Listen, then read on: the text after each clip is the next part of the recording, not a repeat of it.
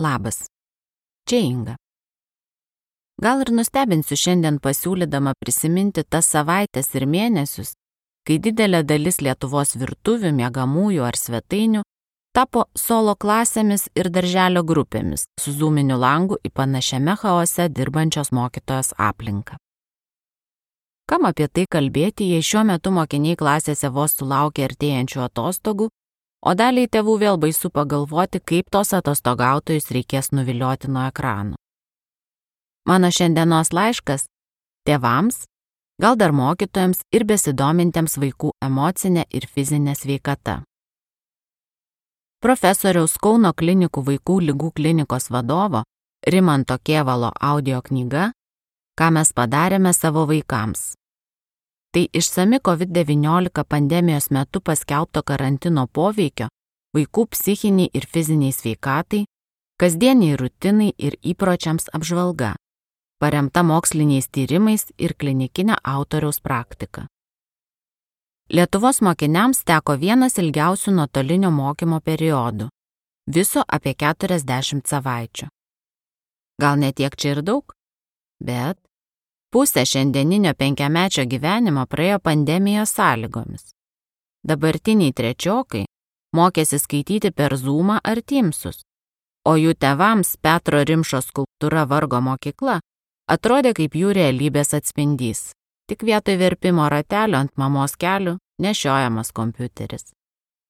O jei mokyklą vaikas ėjo ne tik mokytis ir pabūt su bendramžiais, bet ir bent kartą per dieną pavalgyti šilto maisto, ar laikinai pabėgti nuo namų skurdo, smurto, kitų problemų. Kaip karantinas ir nuotolinis ūkdymas iš tiesų paveikia vaikų gyvenimą. Ir kokią įtaką turės ne tik šios vasaros norui kuo daugiau laiko praleisti online, bet ir jų ateičiai.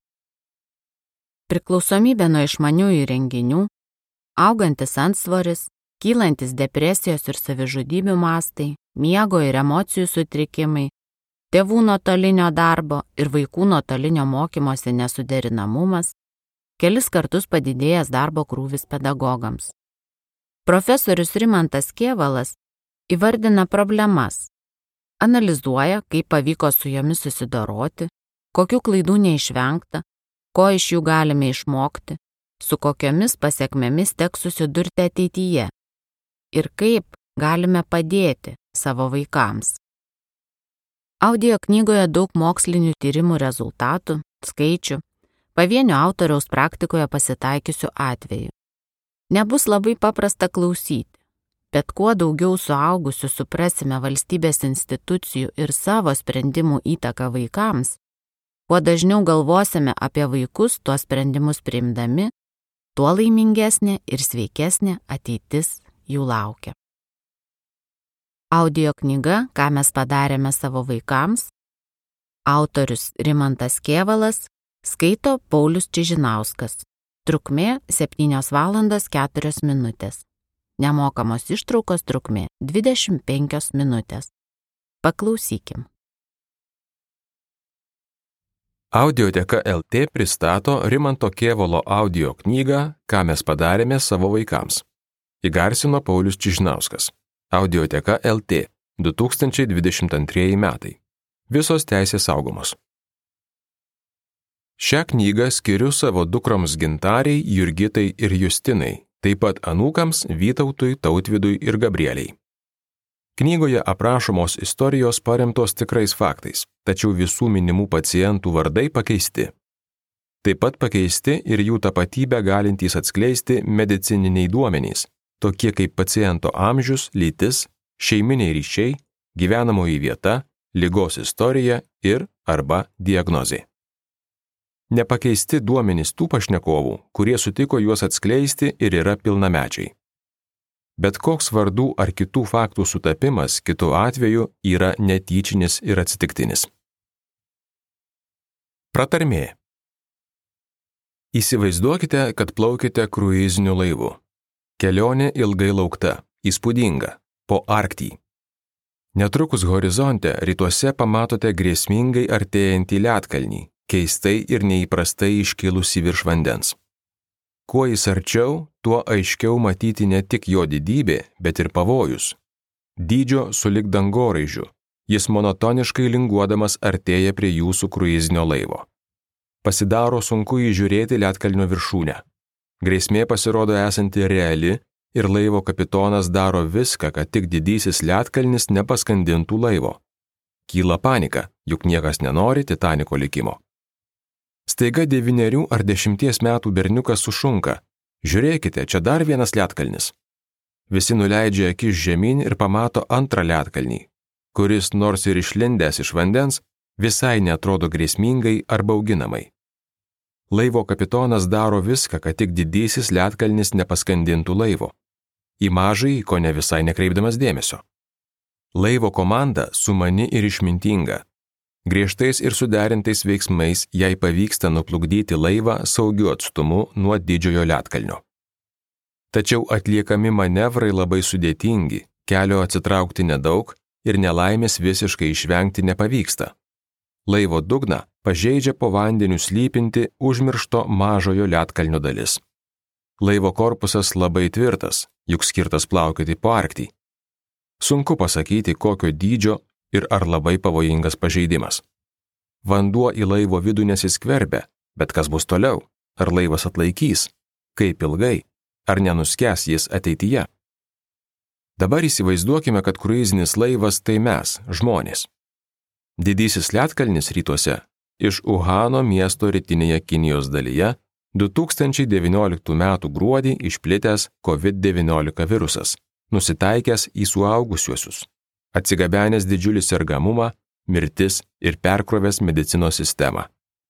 Mažasis lietkalnis į vaikus nusitaikęs COVID-19 virusas atrodęs ne taip grėsmingai.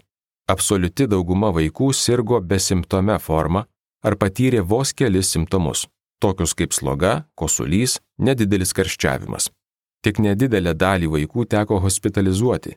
Pasaulį sukrėtė pavienės vaikų mirtys.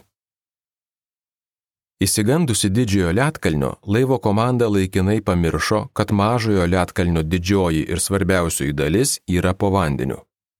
O juk įsigasti didžiojo lietkalnio tikrai buvo ko. Junktinių Amerikos valstijų lygų kontrolės ir prevencijos centro duomenimis, per 20 pandemijos mėnesių pasaulyje COVID-19 susirgo virš 211 milijonų žmonių. Mirė apie 4,5 milijono o vaikų sergamumas vidutiniškai te sudarė apie 5 procentus visų registruotų atvejų. Tačiau netiesiogiai dėl šios infekcijos nukentėjo pusantro milijardo pasaulio vaikų. Neišimtis ir Lietuvos vaikai, kurie vieni iš nedaugelio pasaulyje patyrė be ne ilgiausiai trukusį nuotolinio mokymosi maratoną. O gal, kalbant bėgimo terminais, būtų pakakę ir ilgo ar vidutinio nuotolio distancijos. Iš pradžių nelabai supratome, kokį didelį pavojų vaikams kels COVID-19 pandemiją lydintis karantinas ir socialinė izolacija, pagrindinių socialinių ir sveikatos paslaugų ribojimas. Kuo ilgiau tęsis ši krizė, tuo didesnį šalutinį pandemijos poveikį vaikai patirs ateityje. Šis lydės juos visose gyvenimo srityse. Privalome suvokti, kad vaikai rydienos visuomenės piliečiai. Jų vystimasis, gebėjimas veikti ir priimti sprendimus yra tolesnės pažangos, gyvenimo kokybės, gerovės prielaida. Todėl jų fiziniai ir psichiniai sveikatai, lavinimui turi būti skiriamas didžiulis dėmesys. Jau supratome, kad ilgalaikis mokyklų uždarimas vaikams gali būti fatališkas.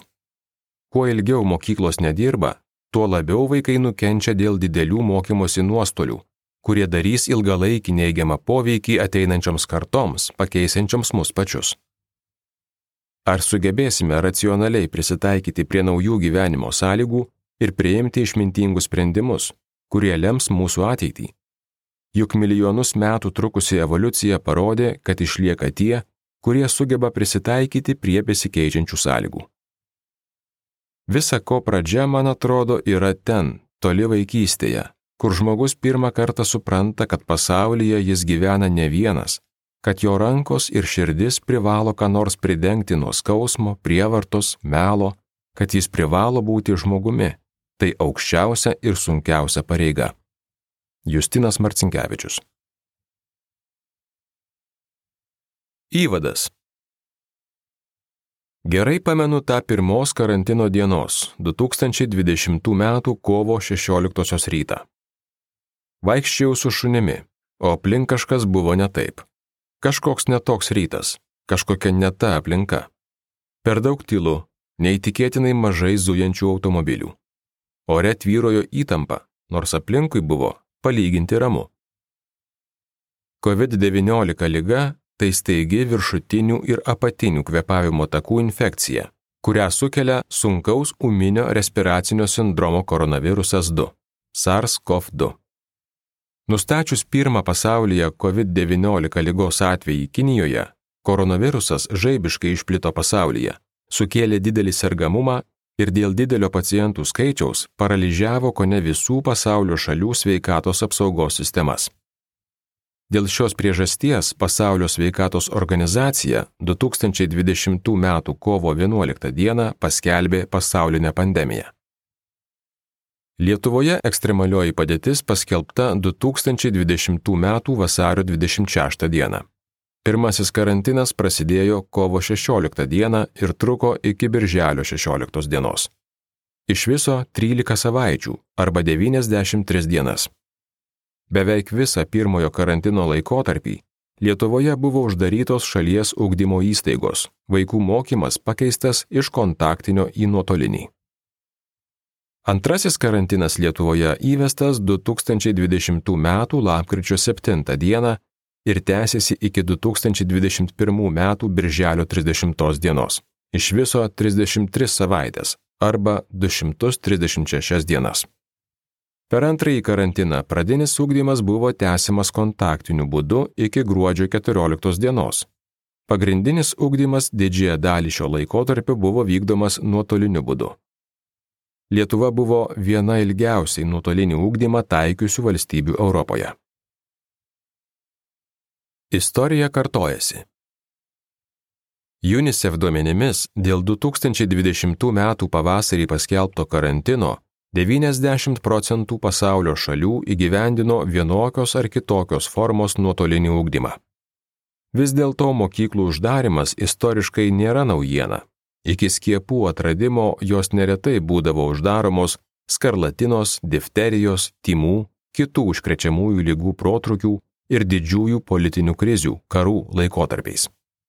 Dar 1918-1919 metais gripo pandemijos metu Junktinių Amerikos valstijų mokyklų tarybos surengė ne vieną posėdį siekdamos surasti geriausią būdą apsaugoti vaikus nuo plintančios infekcijos, kartu nežlugdant ugdymo proceso. 40 Junktinių Amerikos valstijų miestų administracijų nusprendė uždaryti mokyklas 15 savaičių. Vaikams tai reiškia papildomą laisvalaikį arba fizinį darbą namuose. Dalis mokyklų prarastą mokymosi laiką vėliau kompensavo būtinų šeštadienio pamokų lankymu ar akademinio kalendoriaus praplėtimu pandemijai atliegus.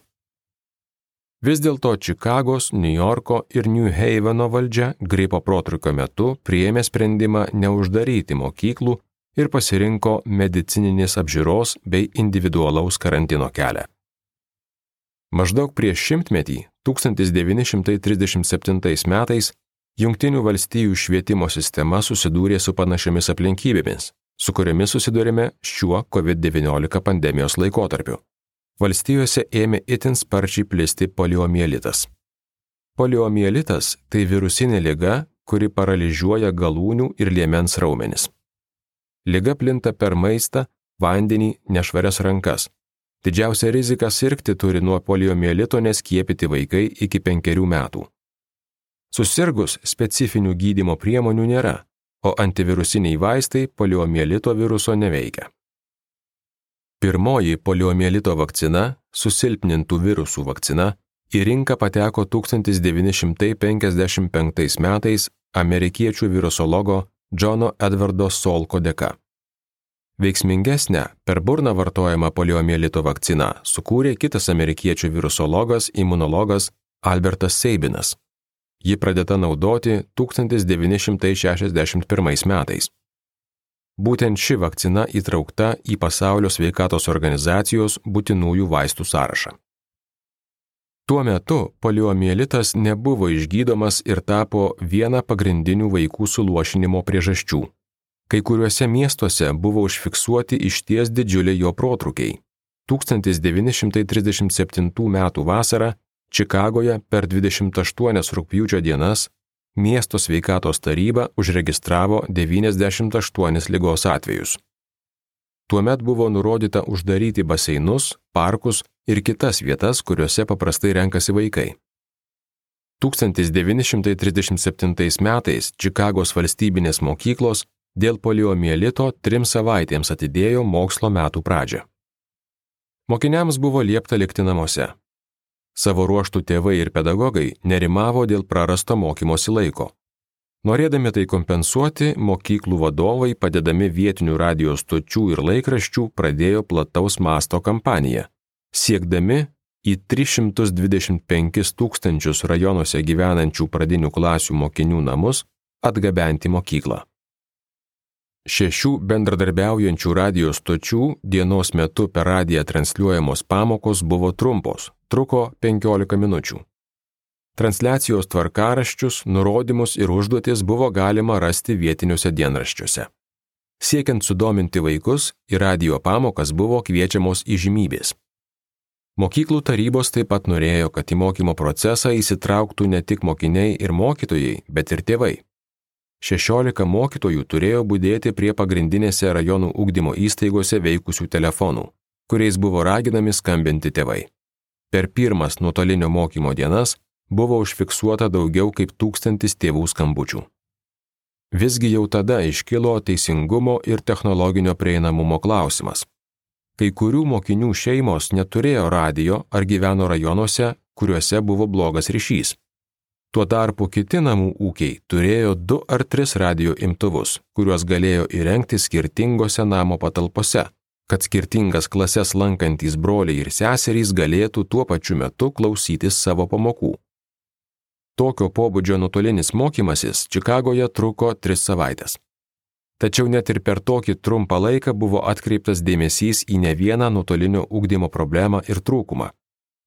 Buvimas ne klasėje pakenkė dalies mokinių drausmiai ir dėmesiui. Tėvai buvo nepatenkinti, kad vaikams reikia nemažai padėti, nes mokytojai buvo nepasiekiami. Taip pat pastebėta, kad nuotolinis mokymas gerokai nusmugdė silpniau besimokančiųjų pažangumą. Ilgainiui mokytojai ėmė nerimauti, kad per radiją transliuojamos pamokos yra naudingos nebent tiems mokiniams, kuriems jos ir šiaip mažiau būtinos ir kurie pernelyg nenukentėtų negaudami mokytojų nurodymų. Taigi per tris nuotolinio mokymo savaitės švietimo procesas sutriko, prarado nuseklumą, o vaikams sugrįžus į klases daugelį dalykų teko pakartoti. Lietuva COVID-19 pandemijos metu pateko tarp nedaugelio pasaulio šalių, kur nuotolinis mokymas truko apie 40 savaičių. Mokyklų uždarimo dėl COVID-19 mastas seniai viršijo tai, ką pasaulis patyrė anksčiau. UNICEF duomenimis pradinę mokyklą šiuo istorijos laikotarpiu lanko 90 procentų pasaulio vaikų. Per pastaruosius 50 metų mokykla tapo ne tik ugdymo įstaiga, bet ir vaiko socialinių, visuomeninių įgūdžių formavimosi vieta. Tad žala padaryta atribojus vaikus nuo pagrindinės į visuomenę integruojančios institucijos yra nepaprastai didelė. Apie neigiamą nuotolinio mokymo poveikį prasidėjus COVID-19 pandemijai labai greitai ėmė kalbėti tiek Europos, tiek Lietuvos mokslininkai. 2021 m. pavasarį daugelis Lietuvos psichikos veikatos specialistų atkreipė dėmesį į Europos šalis, apsisprendusias kontaktinio mokymo ribojimą laikyti paskutinę viruso suvaldymo priemonę. Skirtingos pasaulio šalys pasirinko skirtingą mokyklų uždarimo laikotarpį. UNESCO duomenimis nuo pandemijos pradžios Prancūzija mokyklas buvo uždariusi 12 savaičių, Ispanija 15, Belgija 27, Lietuvoje mokyklos buvo uždarytos apie 40 savaičių. Vis dėlto verta paminėti, kad ne visose šalies ugdymo įstaigose nuotolinio mokymo trukmė buvo vienoda.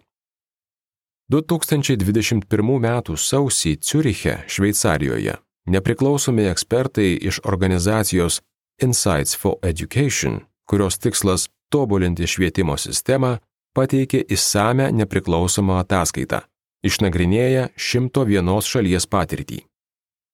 Joje įvairių politinių sprendimų ir rezultatų analizė, apžvelgiami per vienus COVID-19 pandemijos metus surinkti duomenys.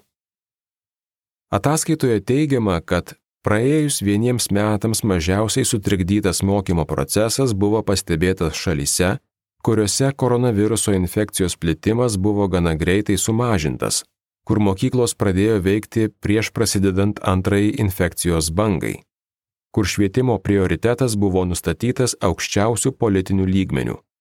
Tose šalyse buvo siekiama prasmingo bendruomenės įsitraukimo ir investuojama į tai, kad vaikai grįžtų į mokyklas. Pasaulinė patirtis rodo, kad net ir labai sudėtingomis aplinkybėmis mokyklas gali būti saugu atidaryti ir dažniausiai jos turi likti atviros. Daugiausia nutrūkusio mokymo dienų buvo tose šalyse, kur infekcijos bangos susidūrė viena su kita ir neleido atverti ugdymo įstaigų. Kartais to šalis teikė pirmenybę ekonomikai, o ne švietimui, arba juose buvo silpna bendruomenės parama, norint gražinti vaikus į mokyklas. Paskutinė pastaba labai tinka ir Lietuvai. Kaip teigė Vilniaus universiteto filosofijos fakulteto psichologijos instituto mokslininkė profesorė Roma Jusienė, vaikai COVID-19 pandemijos metu nėra pažeidžiamiausia visuomenės grupė ar pagrindiniai viruso nešiotojai. Tad pasaulinė sveikatos organizacija mokyklų ir ugdymo įstaigų uždarimą siūlė tik paskutiniu atveju Juolab kitose šalyse atlikti tyrimai rodo neigiamus to padarinius ne tik vaikų sveikatai, bet ir ugdymo mokymosi sėkmiai. Kai kur net paskaičiuota, kiek šalis nukentėjo ar ilgainiui nukentės dėl suprastėjusio vaikų įsilavinimo, kiek tai turės įtakos ekonomikai, asmeniniams finansams vaikams užaugus. Jos teigimu, pavasario karantino daugumai šalių užteko, kad suprastų, jog neigiamos jo pasiekmės vaikams yra itin didelės.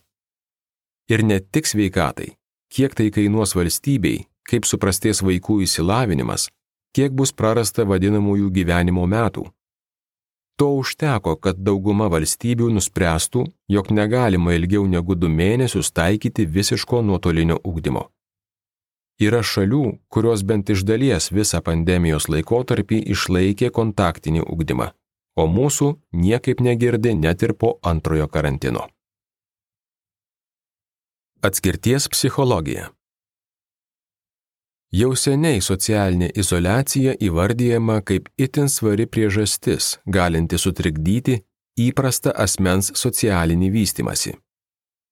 Etinės normos riboja mokslinius tyrimus su žmonėmis, todėl tokio pobūdžio tyrimai atliekami su žmogui artimiausiais giminaičiais, primatais. Primatai - žinduolių būrys, kuriam priklauso lemūrai, beždžionės ir žmogbeždžionės, įskaitant ir žmonės.